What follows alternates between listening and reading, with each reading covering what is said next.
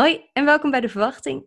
Ik ben Ietske, leuk dat je luistert. In deze podcast blikken vrouwen terug op hun ervaring met zwanger worden, zwangerschap, bevallen en de periode daarna. In elke aflevering wordt een persoonlijk verhaal verteld. Open, eerlijk en uniek, met alle highs en lows die bij deze levensfase horen. Vandaag in de podcast heb ik Aukje. Welkom Aukje. Hi. Um, wil je beginnen met iets over jezelf te vertellen? Uiteraard. Ja, mijn naam is Aukje. Ik ben 29. Uh, en ik uh, ben moeder van June van 3,5 en Rosie van bijna twee maanden. En dat ben ik samen met mijn vriend Ken. Nou ja, niet samen moeder, maar we hebben samen deze dochters. Een gezamenlijk project. Een gezamenlijk project, ja. Helemaal goed, leuk. en uh, waar wil jij jouw verhaal beginnen? Ja, ik denk bij June. En, en de dag dat we erachter kwamen dat we zwanger waren van haar. Want het was niet helemaal gepland. Wat, uh, het kwam eigenlijk, uh, een vriendin van mij zei, ja, ik moet uh, ongesteld worden. En toen, en toen was het voor mij het moment dat ik dacht, oh, moet ik dat niet ook worden? Zo erg was ik, ja, ik was echt een vlierenfluiter met van alles bezig. En, en toen opeens kreeg ik het wel heel benauwd, want toen dacht ik, ik, was, ik hield dat helemaal niet zo heel strikt bij. En dat liep allemaal wel. En ik was daar nooit heel gevoelig voor. Dus ik had geen zware menstruaties. Dus dat was ook niet zo iets wat ik, waar ik rekening mee moest houden of zo in de maand. Dus, um, en zo kwamen we erachter dat we, ja, dat we in verwachting waren. Grote shock. Maar uh, ja, vooral bij mijn vriend meteen helemaal, uh, helemaal verliefd. En hij was helemaal om. En voor mezelf is het wel even wennen geweest. Maar uh, ja, uiteindelijk natuurlijk super welkom. alleen iets eerder dan verwacht. Ja. En was je al ver uh, in de zwangerschap toen je erachter kwam of viel dat mee? Um, volgens mij was ik toen zes weken. Dus viel, viel reuze mee hoor. En toen met zeven weken hebben we dan de eerste echo gehad. Omdat ik dus niet precies wist hoe ver ik was. Die was meteen heel duidelijk en, uh, en goed. Dus dat was een soort van wel meteen een goede start. Was gewoon raak. En uh, ja, zo van nou het is wel echt zo zeg maar. Kloppend hartje, alles. Weet je. Dus ja. Oh, super fijn. En hoe verliep je zwangerschap? Nou, dus die, eerste 16 weken was ik echt heel misselijk en, en, en echt heel erg. Dus ik, uh, ik uh, gaf zelfs uh, over na het, het drinken van een glaasje water. Um, maar ik ben opgevoed met stel je niet aan en hè, lekker sterk blijven. Dus, dus het kwam ook niet bij me op om daarmee naar de dokter te gaan.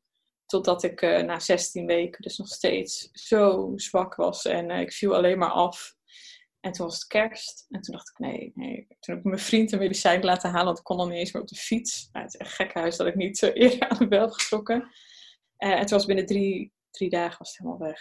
En toen uh, kon ik eindelijk gaan genieten. En kon ik dus ook wat meer gaan connecten met dat kindje in mijn buik. Omdat ik eindelijk me, me goed voelde. En toen de rest van de zwangerschap was eigenlijk uh, piece of cake. Dat was echt heel makkelijk voor me. En ik voelde me goed en fit. En ja, toen ging het opeens heel goed. Gelukkig maar. Maar eh, de, ja. de verloskundige viel het ook niet op dat je toch wel heel uh, misselijk was en, en je niet goed voelde. Ik hield me natuurlijk wel heel groot dan ook. Ja, en ik voel me niet zo lekker. Ja. dus nee, dat is echt een soort, uh, uh, ja, wat me echt typeerde in die, in die zwangerschap ook hoor, dat ik gewoon jong was. En ik wou, omdat het zo onverwachts was, misschien ook wel laten zien van, ik kan dit allemaal wel hoor. Zo, ja, dat ik, dat ik het compenseerde daarin. Ja. Um, dus ja. ja. Nou ja, zelfs al overgeven na het drinken van een glas water, dat is wel heel extreem natuurlijk. Ja, dat moet je echt naar de dokter gaan, zou, zou ik mensen aanraden. Dus uh, ja. nee, dat sloeg echt nergens op. nee, nee. En verder verliep je zwangerschap goed? Ja, ja. Gewoon alles was, uh, ja, alles was gewoon volgens het boekje. En um, ik liep me ook wel heel erg omdat ik zo jong was en uh, heb me de eerste zwangerschap heel erg laten leiden door hè, wat me werd verteld door zo'n verloskundige. Dus wat normaal was, uh, wat voor testjes je moet doen, wat, um, ja, wat, hoe je bevalling eruit zou moeten zien. Want we woonden op één hoog, dus zij zeiden ja, dan uh, raden we aan om naar het ziekenhuis te gaan. Dan ga je eigenlijk niet thuis bevallen, want hè, als wat misgaat, dan moet je misschien uit je huis worden getakeld. horror. Dus um, dus ik liet me dat allemaal maar over me heen komen. En, uh, en daar voelde ik me op dat moment ook helemaal prima bij. En, uh, uh, dus zo is die zwangerschap echt een soort van volgens, op die manier verlopen, zeg maar. Ja, je bereidde je voor op een bevalling in het ziekenhuis? Ja, ja. zeker, ja. Ehm, en wel met een, uh, ik heb niet echt zeg maar zwangerschapsgym of iets dergelijks gedaan of uh, een zwangerschapsyoga, maar heel erg, ik dacht heel erg van nou, als mijn lichaam zo ontzettend kan aangeven wat het nodig heeft of heel erg kan tegenwerken hè, met die misselijkheid, dacht ik, oké, dan moet ik gewoon uh, me heel erg gaan focussen op dat ik mijn lichaam het werk laat doen en mijn hoofd moet loslaten, want, want blijkbaar werk ik mezelf alleen maar tegen, want ik ben heel erg misselijk, maar ik doe er niks aan en misschien moet ik mijn lichaam dit maar laten doen in plaats van dat ik daar uh, invloed op wil uitoefenen. Dus ik ben toen heel erg, we hebben een uh, bevalcoach gehad, we hebben een gesprek mee gehad. En mijn tante is zwangerschaps, uh, die doet zwangerschapsmeditatie. Dus dat hebben we bij haar een keer gedaan en die gaf wat oefeningen mee. Dus ik ben vooral daarmee bezig geweest, maar niks concreets, omdat ja, het over me heen kwam. Ja. En had je bevalwensen verder, um, behalve dat dus in het ziekenhuis plaats zou vinden? Ja, ik had verder wel, het begon me wel in te lezen tegen het einde. Toen dacht ik, oké, nou, ik wil het liefst geen pijnstilling. Um, ik wil de navelstreng laten uitkloppen. Um, ja, volgens mij was, was dat het zo'n beetje. Uh, zo lang mogelijk thuis blijven als de weeën waren begonnen. Zo van, ik wou, ik vind het ziekenhuis niet fijn, dus ik wil eigenlijk uh, uh, pas op het laatste moment naar het ziekenhuis. En uh, dat, dat was het een beetje. En hoe was dan uiteindelijk de, de laatste dagen in aanloop naar de, de bevalling? Ja, ik was uitgerekend op de trouwdatum van mijn ouders. En uh, ook de geboorte van een van mijn beste vriendinnen, die uiteindelijk peetant is geworden van June. dus ik keek heel erg uit naar die datum. Nou, en als die dan voorbij is, dan is het echt een soort van... Alsof het nooit meer gaat komen, denk je dan. Hè? Zo van, nou, la, geef, ik geef het op, laat maar. Dus, uh, dus toen kon ik het opeens heel erg loslaten. En twee dagen later diende de geboorte zich al aan. Dus dat was vrij snel eigenlijk. Ja. Um, en ik was nog volop aan het werk. Dus ik had die ochtend nog een werkafspraak. Want uh, voor mijn broertje zouden we iets gaan ontwerpen met de ontwerpstudio waarmee ik werkte. En die kwam dan wel bij mij thuis. En, um, en toen was de bevalling eigenlijk al begonnen achteraf gezien. dus dat was wel... Uh, ik was er helemaal niet, mee, niet meer mee bezig. Je bevalling begon met weeën dus? Ja, ik begon met kramp in mijn rug. Dus ik dacht dat ik slecht had geslapen. Wat je natuurlijk op het einde van je zwangerschap sowieso doet. en um, dus ik dacht, ja, ik heb op de kou gelegen of zo. Want ik, had steeds een steek in mijn rug. En zei ik ook, oh jongens, ik moet soms even gaan staan of even lopen. Want ik heb slecht geslapen. Zoiets was het. En uh, mijn vriend heeft geen rijbewijs, dus mijn broertje zou sowieso naar het ziekenhuis gaan rijden. En toen hij afscheid nam van, dat, uh, van die meeting, zei hij ook, nou, als het dan uh, gaat gebeuren, hè, dan uh, moet wel liever vandaag na half vier, hahaha, want ik heb nog van alles te doen vandaag. Dus wij, haha, ja, ja, haha. Um, en toen vertrok hij. En toen ehm, dacht ik, nou, ik ga toch maar even onder de douche staan, want die rugpijn, misschien helpt dat een beetje. En uh, nou, het hielp niet en het ging maar door. Totdat, totdat ik echt volgens mij na een half uur onder de douche dacht van... Nou, misschien moet ik toch maar eens even gaan timen of het, of het ook in je rug kan. Ik, was, ja, hè, ik wist het echt totaal niet. Oh, oh, ja, het komt terug, maar heel onregelmatig. Zo zeven, vijf minuten ertussen, acht minuten ertussen, vier minuten ertussen. Dus ik kwam onder de douche vandaan om naar mijn vriend toe te lopen en te zeggen... Nou, volgens mij heb ik mijn eerste voorwee gehad. Want uh, ik had nog helemaal geen harde buiken of voorweeën. En de verloskundige had ook een paar dagen ervoor gezegd van... joh, als je nog helemaal niks voelt, dan gaat het echt nog niet gebeuren. Dus nou, ik dacht, er begint in ieder geval iets. Uh, en toen was het inmiddels twee uur smiddags. Toen dacht ik, nou, misschien moet ik de afspraak bij de verloskundige maar afzeggen, die ik om drie uur had. Want uh, nou, ik voel me niet zo lekker en uh, ik heb pijn. Dus dat zei ik dan tegen mijn vriend. En uh, die belde pas rond kwart voor drie volgens mij. Eh, en zei ik, terwijl die belde, nou zeg maar dat het misschien ook wel is begonnen. dus ja, zo, zo zijn we uiteindelijk de bevalling begonnen, zou ik maar zeggen. Maar omdat het dan je eerste is, zeggen ze vaak, nou dat gaat niet zo snel en uh, hè, ga maar lekker douchen en we komen wel een keertje langs. Dus volgens mij was de verloskundige rond half vijf. En tegen die tijd kon ik al niet meer staan. Echt, ik lag op bed te verkrampen en ik kon totaal niet die weeën opvangen. Um, ja, dat was echt enorm overweldigend qua... Ik dacht ook, oh, dan gaat mijn vriend me lekker masseren. Nou, hij heeft me volgens mij twee minuten aangeraakt en ik schreeuwde, blijf van me af. Hou je handen van me af. En ehm, ja, dus toen ging zij, zij ze moeten kijken, ze ging toucheren, kijken hoe ver ik was.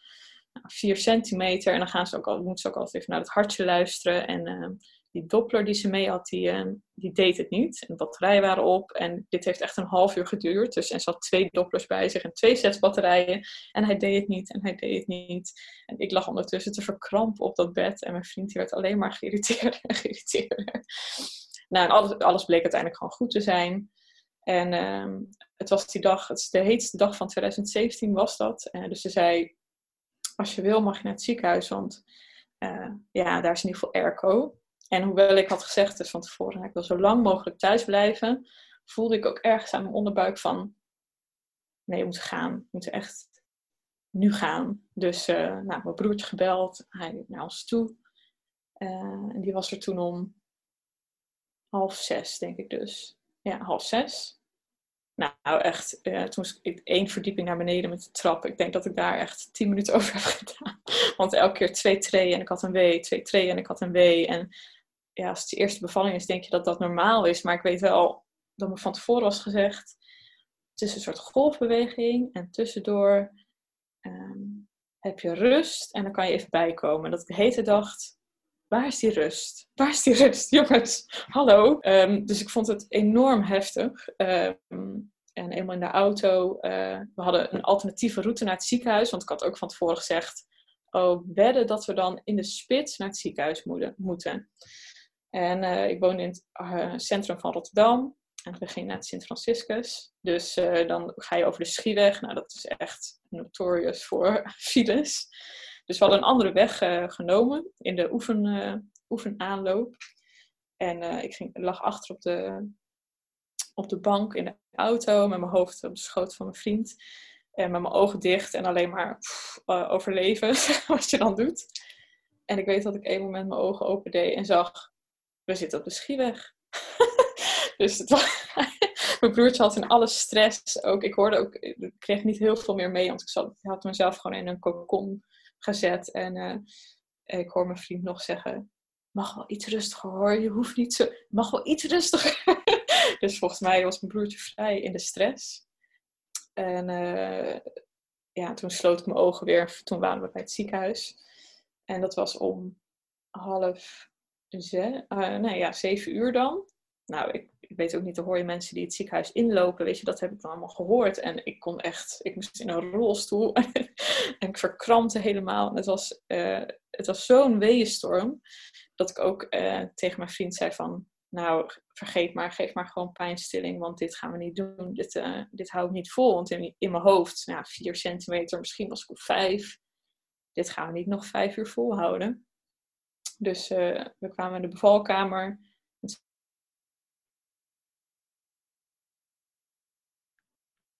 zei ik ook, we moeten even kijken hoe ver ik ben. Zei ik, de laatste eerste, dat gaat niet zo snel. Dus um, ga maar even douchen. Uh, wij gaan even avondeten. En dan komen we straks bij je terug. Dus nou, oké, ja, ik liet hem me maar een beetje vertellen. Dus ik dacht, oké, nou, onder de douche. En toen kwamen echt mega intense weeën. Echt, mijn vriend die heeft, had vijf dagen lang spierpijn van hoe erg hard ik hem toen de grond induwde om die wee op te vangen.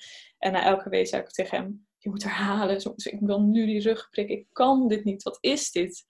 En elke keer uh, kwam hij terug met, ja, ze zeggen dat dat ook nog wel even duurt. En ze zijn aan het eten. En nou, volgende week, ja, ze zeggen eerst, het gaat niet zo snel. Zijn aan het eten. Ja, ik denk dat ze heel honger hadden of zo. Want dat was heel belangrijk. Uh, en toen na iets van vier, vijf van die weeën, toen voelde ik opeens oh, poepen.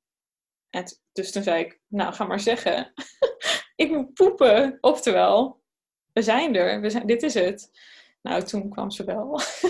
uh, en ook, ja, ik herinner me gewoon de blik in haar gezicht van, oh, dit, dit, dit meisje, of ja, dat is natuurlijk mijn interpretatie op dat moment, maar dat je echt voelt van, het meisje die, die trekt het helemaal niet of zo. Dat, zo voelde ik me op dat moment heel erg bekeken.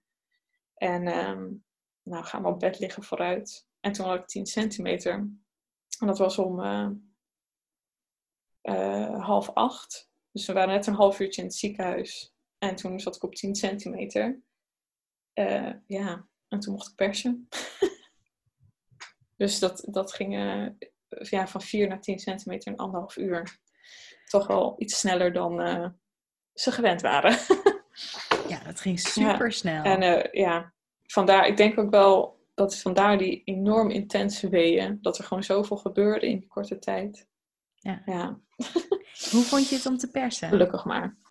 Ik vond het echt heel fijn. Veel, uh, ik weet dat de, de meningen verschillen over de persfase, maar voor mij was het echt ook eindelijk rust. Want de intensiteit van die weeën nam af of de duur ertussen. Ik had echt eindelijk rust ertussen. Ik viel ook echt bijna in slaap tussen die persweeën door, omdat ik zo moe was van het opvangen van, van die weeën daarvoor. En ik kon eindelijk wat doen. Dus uh, ja, dat vond ik echt heel fijn. Uh, en ik heb daar iets van een uur over gedaan, uiteindelijk, die persfase. Um, en ik zeg wel eens tegen mijn vriend, ik denk dat ik, dat, expres, dat ik daar expres wat langer over heb gedaan, omdat, ik, omdat het daarvoor zo snel ging dat ik even op adem moest komen. Dat ik de eerste, het eerste half uur niet echt heb geperst, zeg maar. Maar gewoon, oh, oké, we zijn hier, waar ben ik, wat is er gebeurd?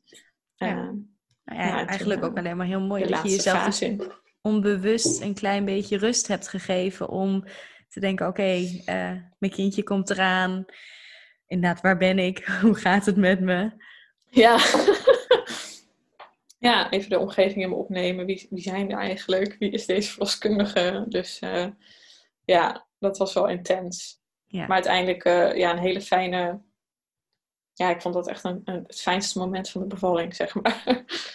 Ah, super. Dus ja. En je zei ja. je moest ongeveer een uurtje of een uur persen. Ja, ja en toen... Um, uh, we hadden van tevoren, had ik volgens mij tegen mijn vriend gezegd van nou blijf maar bij mijn hoofd. Ik weet niet of je naar beneden wil kijken. Maar ik was, ik was zo, ik, ik, kon, ik sprak tegen niemand en ik was met mijn ogen dicht de hele tijd. Dus ik snap wel dat op een gegeven moment, uh, misschien verveelde hij zich, dat ik dacht, nou, ik ga eens even kijken. Dus toen zei hij ook al, oh, ja, ik zie er en ik zie haar. En toen, toen ben ik denk ik echt actief wel veel meer mee gaan persen, zeg maar. En uh, ze kwam eruit.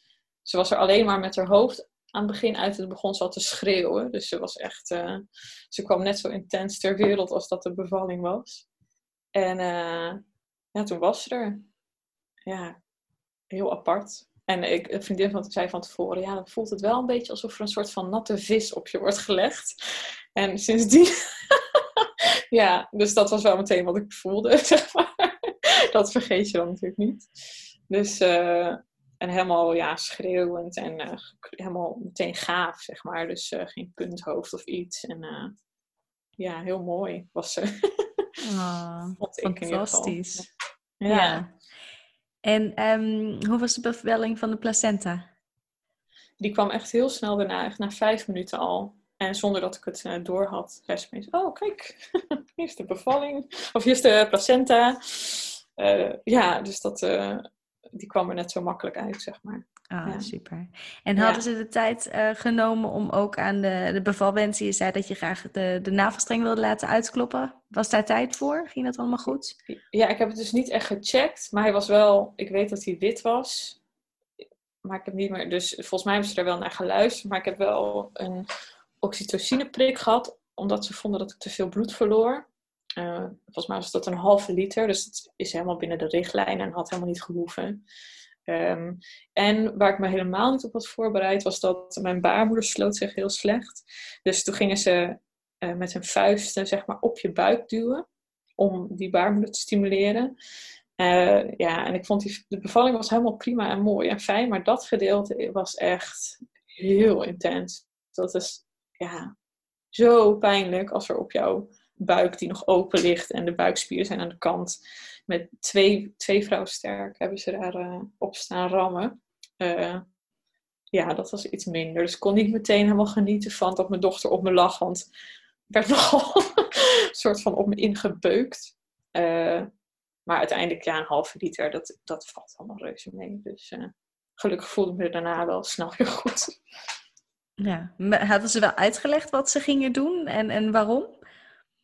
Uh, toen ze terwijl ze bezig waren. Dus uh, ja, niet, ze communiceerden niet direct met mij, zeg maar. Dus uh, nee, niet heel erg. Ja, misschien wel een beetje gemiste kans, want het lijkt me inderdaad wel iets wat behoorlijk je bubbel waar je doorbreekt. eigenlijk voor dat moment in zit, inderdaad helemaal doorbreekt, ja. Ja, ja. Nee, dus dat was jammer. Maar ja, als zij dachten dat het nodig was, ja. dan uh, ja. En mochten jullie snel weer naar huis? Ja, ik wou ook echt, nou, ik wou heel snel naar huis. Maar je mag dan pas naar huis als je hebt geplast. En uh, dus ik ben gewoon uh, als een malle de, de ranja daar gaan drinken. En uh, toen ik drie druppels had geplast, vond ik dat ik naar huis mocht. Dus toen heb ik me op laten halen door mijn moeder. kwam dan met mijn broertje. En dat hadden we ook een beetje afgesproken. En mijn ouders woonden in, in de, het oosten van het land. Dus hè, ik moest mijn moeder laten weten van de bevalling is begonnen, zodat ze zou komen die, kant op. Dus die zat nog in de trein toen ze het bericht kreeg van, uh, oh, ze is er. En zij dacht echt, hè? Maar ik zit net in de trein en ik heb een pyjama meegenomen en een boekje. En die dacht, dat gaat nog wel even duren. Dus die kon vanaf de trein meteen door om ons op te halen. ah. En um, had je nagedacht of je borstvoeding zou willen geven? Ja, ja, dat wou ik heel graag proberen. En ik wist dat het niet altijd makkelijk kwam. Dus ik had me erop ingesteld. Ik had al poedermelk uh, in huis. Maar uh, dat ging eigenlijk supergoed. Um, ja, ik ben echt gezegend met dat dat zonder enige problemen op gang is gekomen. En ja, zonder enige moeite is gelukt. Nou, super fijn. Ja. Heerlijk. Ja. En hoe was je kraamperiode? Wat ik me heel erg herinner, we hadden echt een fantastische kraamverzorgster. Die hadden we van tevoren via één op één kraamzorg uh, kunnen spreken en uitzoeken. Zij was Japanse. Uh, en um, ja, heel veel van die fijne Aziatische kennis nam zij met zich mee. En ik kreeg lekker miso-soepjes op bed, die echt me enorm uh, aansterkten. En ja, het, voor ons was de kraamperiode vrij makkelijk. Zeg maar. June deed het super goed. Uh, we hadden een heel klein huis, heel overzichtelijk. Mijn vriend studeerde nog, dus hij was ook altijd thuis. Dus uiteindelijk, volgens mij is zij drie dagen vrij intensief met ons bezig geweest. En daarna heeft ze vooral kooklessen gegeven aan mijn vriend, waar we nog steeds uh, heel dankbaar voor zijn. uh, wat heel fijn was. En ja, ik mis haar nog steeds wel eens. Dan denk ik, oh, als ik haar nog een keer zou kunnen krijgen, heel graag. Um, en ik herinner me heel erg, omdat het zo warm was, het was midden juni, dat, dat ik enorm veel zweette. En dat je zo ontzettend stonk. En mijn hele bed was nat, s ochtends van het zweet en zo. Dus dat was de minder charmante kant. Maar aan de andere kant was het gewoon dat het mooi was en fijn en uh, heel natuurlijk kwam. Ja, nou fijn. En zeker ook uh, ja. nu, ja, de zwangerschap kwam natuurlijk niet helemaal gepland op je pad. Uh, en dat ja. dan uiteindelijk de komst van June zo, zo mooi verliep. Ja, dat was echt een, ja, een soort van, uh, wij zeggen wel eens een teken van het leven dat het goed was of zo. Dat het gewoon uh, zo hoorde te zijn. Ja. ja, mooi. Op wat voor moment ja. uh, dachten jullie, we zijn klaar voor een tweede? Of kwam zij ook als verrassing op jullie pad? Nee, zij was wel heel erg gepland. volgens mij een uur na de geboorte van June zei ik al tegen mijn vriend... Oh, dit kan ik nog wel een keer doen. Dit wil ik nog wel een keer. Uh, dus toen was het zaadje geplant. Maar nee, daar hebben we wel echt uh, een tijd mee gewacht. We wisten ook wel dat we daar aardig wat jaartjes tussen wouden hebben. Of uh, dat er niet heel snel werk van gemaakt hoefde te worden. Um, dus toen June twee werd, toen dachten we, nou dan gaan we nu dan dit spiraal ver verwijderen. En ja, zijn we het gaan proberen. Voor zover je dat daar grip op hebt, zeg maar. En moesten jullie lang wachten tot je zwanger was? Um, nou, elke maand voelt natuurlijk als lang. maar um, ongeveer een half jaartje hebben we moeten wachten. En um, toen we begonnen, toen was een vriendin van mij uh, net uh, drie maanden zwanger, dus die vertelde dat net. En uh, ergens in mijn hoofd dacht ik, oh, dan, dan ben ik zwanger voordat, voordat haar kindje er is. En dat is echt iets heel doms om te doen, maar dat gebeurde gewoon onbewust in mijn hoofd. En na zes maanden, nou, toen werd haar kindje geboren. En toen had ik net de dag ervoor weer een negatieve test in mijn handen. En ik was heel blij haar, maar dat, dat voelt dan even heel erg dubbel. En toen vertelde ik dat aan een vriendin van mij die wist dat we het probeerden. En, uh, en toen zei ze, hè? Maar ik zag jou vorige week en jij, jij bent gewoon zwanger. En ik dacht echt, maar zij heeft een enorme sixth sense. Zij kan altijd raden wat voor een geslacht het is bij mensen. En, uh, dus ik werd een beetje aan het twijfel gebracht. Ik zei, maar ik heb een negatieve test gehad. Ze zei, oh, ja, nou, ik dacht dat je me gewoon nog niet wou vertellen. Maar, maar ik zie gewoon aan je dat je zwanger bent. Dus ja, heel apart. Ik, ik werd helemaal een beetje wiebeliger van of zo. Dus de volgende dag meteen een test gehaald. Een, een betere, een duurdere test. En, uh, en toen bleek ik zwanger te zijn. dus ze wist het eerder dan, uh, dan wij. Wat dus bijzonder. Zwanger. Ja, grappig hè? Echt Heel bizar. bizar. Ja, en zei, oh, ik weet ook wat het wordt. Een meisje. Nou, ze wist het meteen. Ja, heel apart. Dus uh, dat was wel mooi. Ja, fijn. En hoe verliep die zwangerschap? Was je weer misselijk of viel het mee? Ja, nee, ik was weer enorm misselijk. Maar dit keer trok ik bij de eerste twee keer overgeven al aan de bel. Uh, ook ja, met een peuter erbij kun je niet gaan liggen of al te vaak boven de wc hangen. Dus nee, toen heb ik meteen medicijnen gekregen. En ik heb wel nog even acupunctuur geprobeerd. Maar daar viel niet tegen op te prikken. Dus meteen medicijnen. En dat ja, het, neemt niet je misselijkheid weg, maar het onderdrukt het. Dus ik voelde wel dat het er altijd was. Maar ook na 16 weken was dat gelukkig weg. Ja, ja. En um, hoe bereid je je voor op deze bevalling? Ja, echt heel anders. Dus, dus hoewel ik uh, vlak na de bevalling van June heel positief was over die bevalling. Ik bedoelde, hij duurde heel kort en het ging allemaal goed. En June was gezond. En uh, voelde heel fijn. Merkte ik ook wel dat dat stukje waarin ze niet naar mij luisterde. En waarin ik eigenlijk heel goed zelf aanvoelde wat er aan het gebeuren was. Want het gaat snel, moeten nu gaan. Uh, dat had me eigenlijk ook heel veel zelfvertrouwen gegeven. Oh, als ik naar mezelf luister, dan weet ik eigenlijk heel goed wat ik nodig heb. En, uh, en daar mag ik best wel wat meer op vertrouwen. Dus dit keer was ik heel erg op zoek naar een verloskundige die mij, daarbij, die mij daar ook in vertrouwde. En waarbij ik uh, op zoek kon gaan naar wat ik dan wou. Dus um, die heb ik gevonden. En uh, samen hebben we zeg maar veel meer gekeken naar wat zijn nou echt mijn wensen en wat verlang ik er nou van. Dus me heel erg gaan inlezen wat alle opties zijn, wat je kan doen. En um, dus toen heb ik me veel meer op zo'n manier voorbereid. En toen zijn we uitgekomen dat ik heel graag thuis zou bevallen. Um, het liefst in bad. Uh, maar wij wonen in een heel oud huis uit 1500. Dus toen ze zei, ja, dan moet je vloer wel een draagkracht hebben van, uh, wat is het, 700 kilo. Uh, en we wonen ook weer één hoog. dacht ik, nou, denk het niet. dus die viel af. Ja, dus, en ik wou heel graag mijn dochter erbij hebben, als dat zou kunnen. Ik wist ook dat dat een beetje, hè, dat weet je niet of dat kan. En, en, zo en eigenlijk, uiteindelijk op het einde durfde ik te zeggen, nou, ik wil het um, een beetje een hands-off bevalling. Dus als ik, op, als ik op mezelf kan vertrouwen, dan wil ik het ook allemaal zelf doen. Dan wil ik niet kijken hoe ver ik ben. Dan wil ik niet uh, dat je zegt hoe ik moet persen. Dan wil ik gewoon alles zelf doen, haar zelf aanpakken. En uh, dus dat was, dat was het plan. Wauw, heel anders dan de eerste keer. Ja, ja.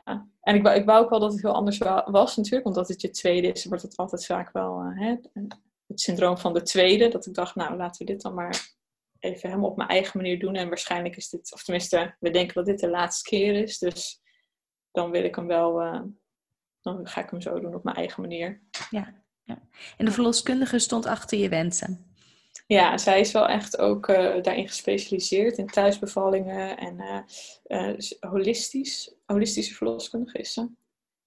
dus dus, dus, zij ging soms nog wel veel verder dan dat ik wou gaan. Hè. Dus het, uh, de lotusgeboorte uh, biedt zij heel graag aan. Of in plaats van het doorknippen van de naasten, zei ze, je kan het ook doorbranden. En dat ging me dan allemaal net iets te ver.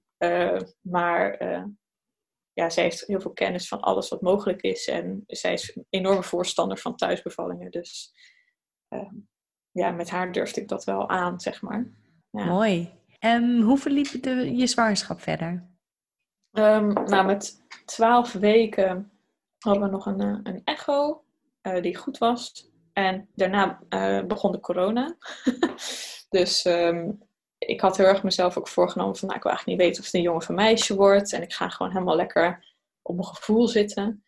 maar doordat die corona begon en ja, dan zit je opeens thuis met een peuter die ook heel erg voelt, er is iets aan de hand, maar het is niet helemaal duidelijk. En dat was zo'n intense uh, eerste paar maanden dat ik merkte dat ik totaal geen connectie kon maken met het kindje in mijn buik. Dus dat we met de 20 weken, echt waar ik alleen heen moest natuurlijk, ehm, dat ik toch heb besloten van nou dan wil ik het toch wel weten, want dan kan het me helpen om die connectie te gaan maken. En um, toen hebben we ook meteen open kaart gespeeld over alles. Dus mijn dochter wist, nou ik krijg een zusje, ze gaat Rosie heten. En uh, iedereen wist het meteen. En toen konden we het een soort van al gaan omarmen dat zij er was en dat ze onderdeel was van ons gezin. Um, ja, voor de rest verliep die vrij, groen, vrij, vrij goed. Ja. ja, fijn. Nou, mooi om op die manier ook eh, voor jullie zelf en ook voor jullie dochter wat houvast te geven in een periode die toch best onzeker is. En ja. ja, gebeurde veel natuurlijk. Zeker in die eerste maanden was er heel veel onduidelijkheid van wat was nu precies aan de hand en uh, hoe gaat het verder. Ja, het gaf echt wat focus zo van waar, waar wij zelf naartoe gingen en dan wat er om ons heen gebeurde in de wereld was dan even wat minder belangrijk of zo. Ja. ja. ja. Je vertelde uh, toen wij zelf contact hebben gehad over dat een uh, kindje van een uh, vriendin van jou was overleden tijdens je zwangerschap. Zou je daar nog wat over willen vertellen? Ja, ja dus bij de eerste zwangerschap was ik een van de eerste van mijn vrienden, nou eigenlijk de eerste, die zwanger was en een kind kreeg. En het voordeel daarvan is dat er niemand is die jou ongevraagd advies geeft en uh, je het helemaal op je eigen manier kan doen.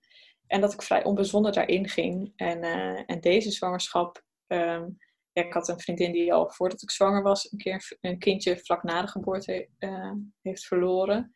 En nu aan het begin van mijn zwangerschap een vriendin die ook haar kindje heeft verloren met 38 weken in de buik. Dus hij was niet meer zo onbezorgd. Dus ik merkte wel veel meer angst en dat ik dacht, ja jeetje, het is één keer goed gegaan. Waarom tart ik het lot om nog een keer te doen? Dus dat vond ik heel moeilijk aan het begin. En ik heb dat wel heel erg gezien van ja, dat heeft niks met mijn zwangerschap te maken. Dat het bij hun misging. Uh, en ik dacht dat ik dat uh, heel goed had getackeld. Maar zeker de laatste weken uh, ja, waaide dat enorm op. en vond ik dat heel moeilijk. Ja. Om los te zien nog van elkaar. Ja. Hoe ben je daarmee omgegaan? Um, ik heb het wel ook met hun openlijk besproken. En niet, uh, uh, dus ja, ik heb hun erover gesproken van, goh, ik merk dat ik heel veel denk aan jullie kindje. En uh, ja, ik besproken met haar hoe dat was voor haar, die periode. En, maar ook wel heel erg elke dag dankbaar geweest van, oh ja, wat fijn dat het, dat wij, dat het bij ons wel goed gaat. En vooral daarop proberen te focussen. En volgens mij was jij die zei van, dat je het mantra had van, je blijft bij ons, jij blijft bij mij. En dat, dat heeft me ook echt, toen je dat had gezegd in de podcast, toen dacht ik echt, oh ja, nee, deze, dit wordt hem. Ik ga ook gewoon, jij blijft bij mij. En dat zei ik elke avond voor het ging slapen. ik, maar je blijft bij mij hoor. En ik blijf bij jou. Uh, dus dat, dat, die hebben we ook wel uh, goed gebruikt. Ah, ik krijg bijna wat aan in mijn ogen, wat mooi. ja, dat was echt wel ja. belangrijk om uh, erin te geloven of zo, voor jezelf ja. ook. Ja ja, voor mij was dat inderdaad ook op momenten dat ik echt dacht van, oh, je, je hoofd kan dan zo'n weerwar worden van gedachten en dan eh, echt één grote chaos. En ja, voor mij was dat inderdaad ook gewoon, je blijft bij mij, was het van, oké, stop die gedachten, ja. hier ga ik me op focussen. Ja, je bent op een gegeven moment bang dat je die gedachten afdwingen, dat het misgaat. Ja. Alsof je dat over jezelf gaat afroepen. Dus ja, dan maar inderdaad afroepen van, het gaat gewoon goed. En ja. blijft gewoon bij mij. Ja, ja heel mooi. Hoe um, was de aanloop van je, naar je bevalling? Dus, um, dus met 40 weken uh, was ik er echt volledig klaar mee. en ook klaar voor. Dus ik, had, uh, ik was helemaal ontspannen. En ik dacht, nou, hè, laat maar komen. Uh, nou, toen werd het 41 weken.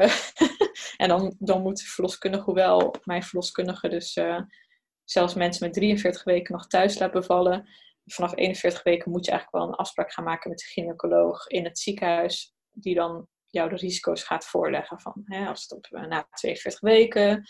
En ik heb echt eigenlijk een soort angst voor het ziekenhuis. Ik had het al gehad. Dus ja, mijn nummer één wens was thuis bevallen. Ehm, en ik zag opeens een soort van, oh jee, dit komt nu wel een beetje in de, in de knel. Dus uh, met 41 weken en twee dagen heb ik me laten strippen. Wat ik eigenlijk van tevoren niet wou, maar ik wou nog minder graag naar het ziekenhuis. Dus uh, nou, dan maar strippen. En uh, toen in die nacht, of dus ja, toen in die nacht um, ging ik s'nachts naar de wc. En toen wou ik weer in bed gaan liggen. En toen dacht ik, hmm, ik heb kramp. Maar bij een tweede zwangerschap uh, heb je wat vaker voorweeën. En die had ik dus nu ook voor het eerst. Dus ik, ik, let er niet zoveel op.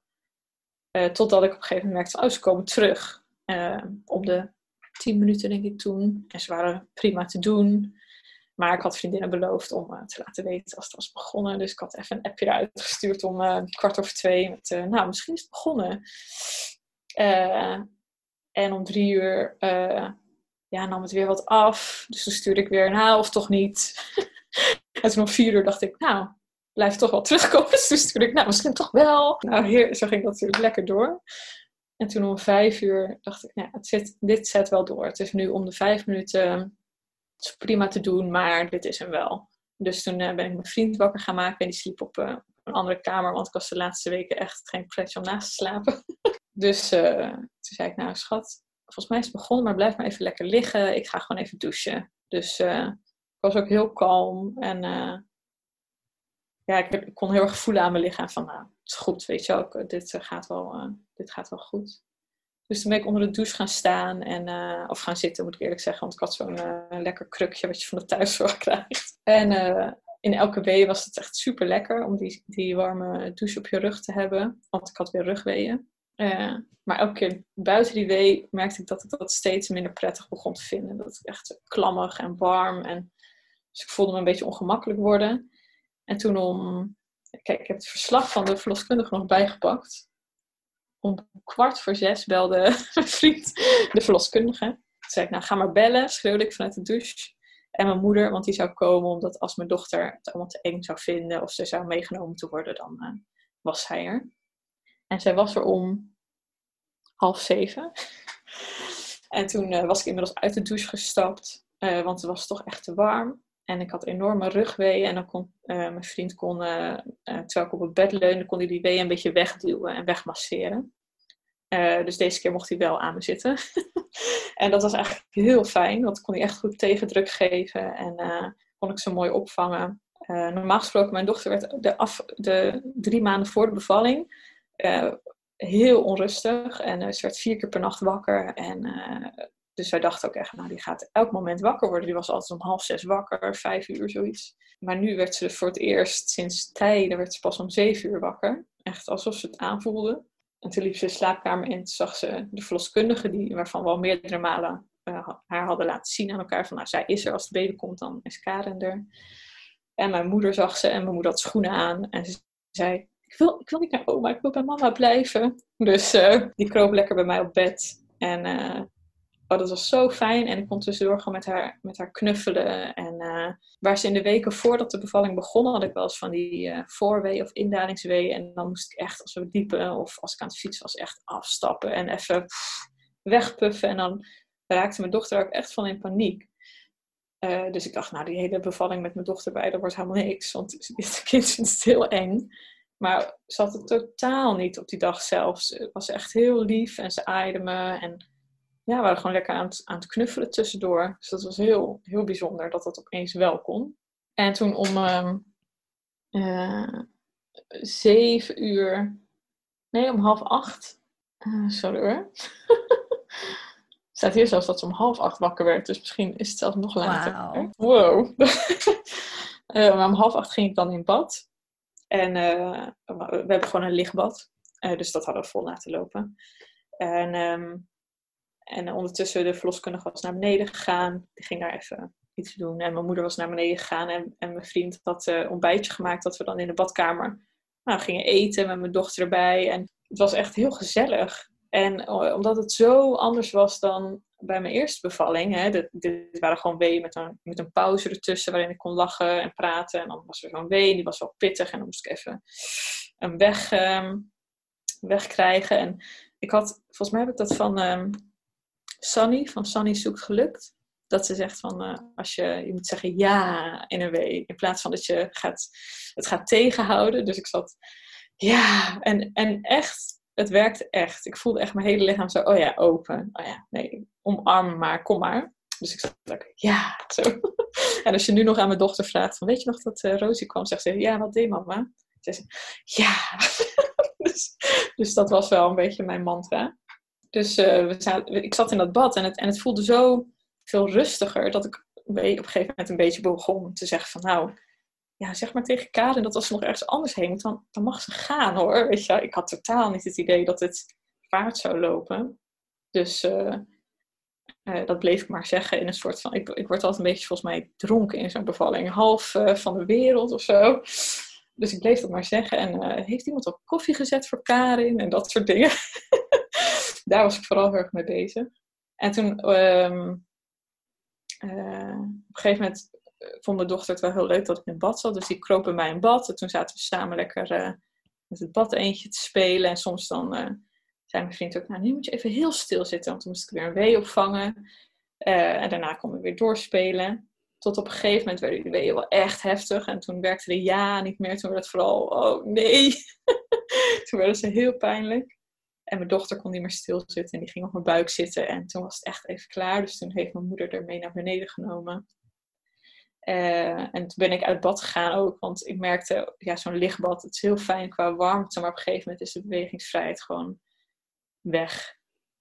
Dus toen, uh, en terwijl ik uit bad stapte, voelde ik, oh, ja, ik moet poepen. Dus het is, het is er alweer, zeg maar.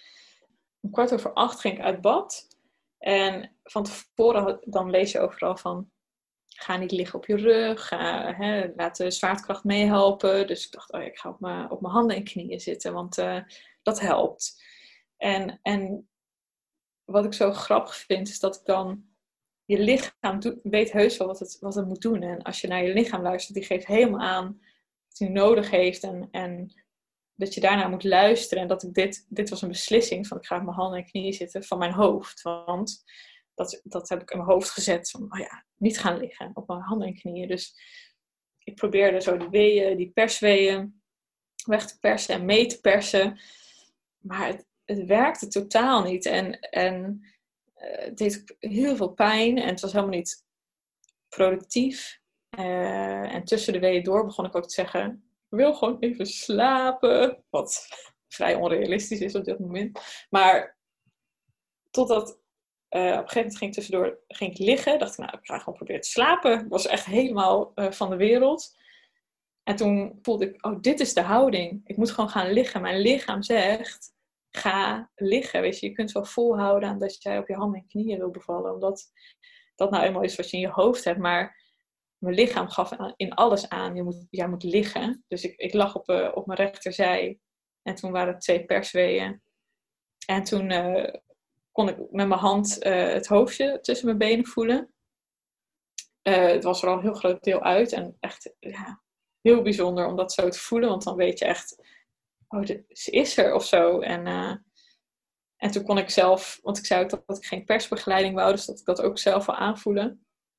Wat overigens, hè, ik had van tevoren heel mooi bedacht, hands off, en dat vond ik heel stoer van mezelf ook wel.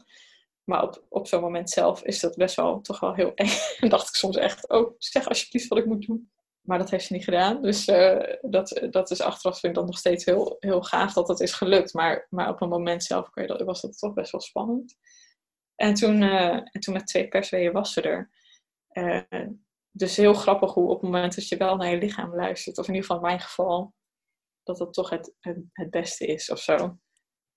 ja, heel, heel magisch. En toen kon ik er zelf aanpakken.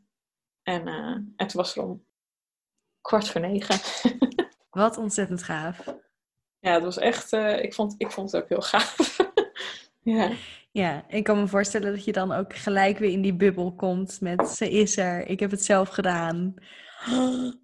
Ja, ja heel onwerkelijk. Uh, ja, dat het gewoon inderdaad was gelukt en zo snel opeens. En ik dacht, hè, oké, ik heb het wel zelf gedaan. Want die laatste fase had ik vorige keer ook dat ik me een beetje verloren voelde. Dat je denkt, oké, kom maar met die pijnstelling, ik wil dit meer. En, en, en, ik, en je leest van tevoren wel, nou, als je daar bent, als je denkt, ik kan niet meer, dan zit je in die laatste, laatste fase. Maar op dat moment zelf, ja, ik vergeet dat gewoon. En ik had mezelf voorgenomen, en deze keer weet ik dat nee, ja, was ik, weer, ik was weer helemaal vergeten. En ik zei ook tegen, heb je nog iets van de tents bij je? Of iets wat me kan helpen? En uh, ja, die verloskundige, zij is echt een schat. Dus zij zei gewoon heel lief met haar hand op mijn rug. Oudje, ik denk gewoon dat je er bijna bent.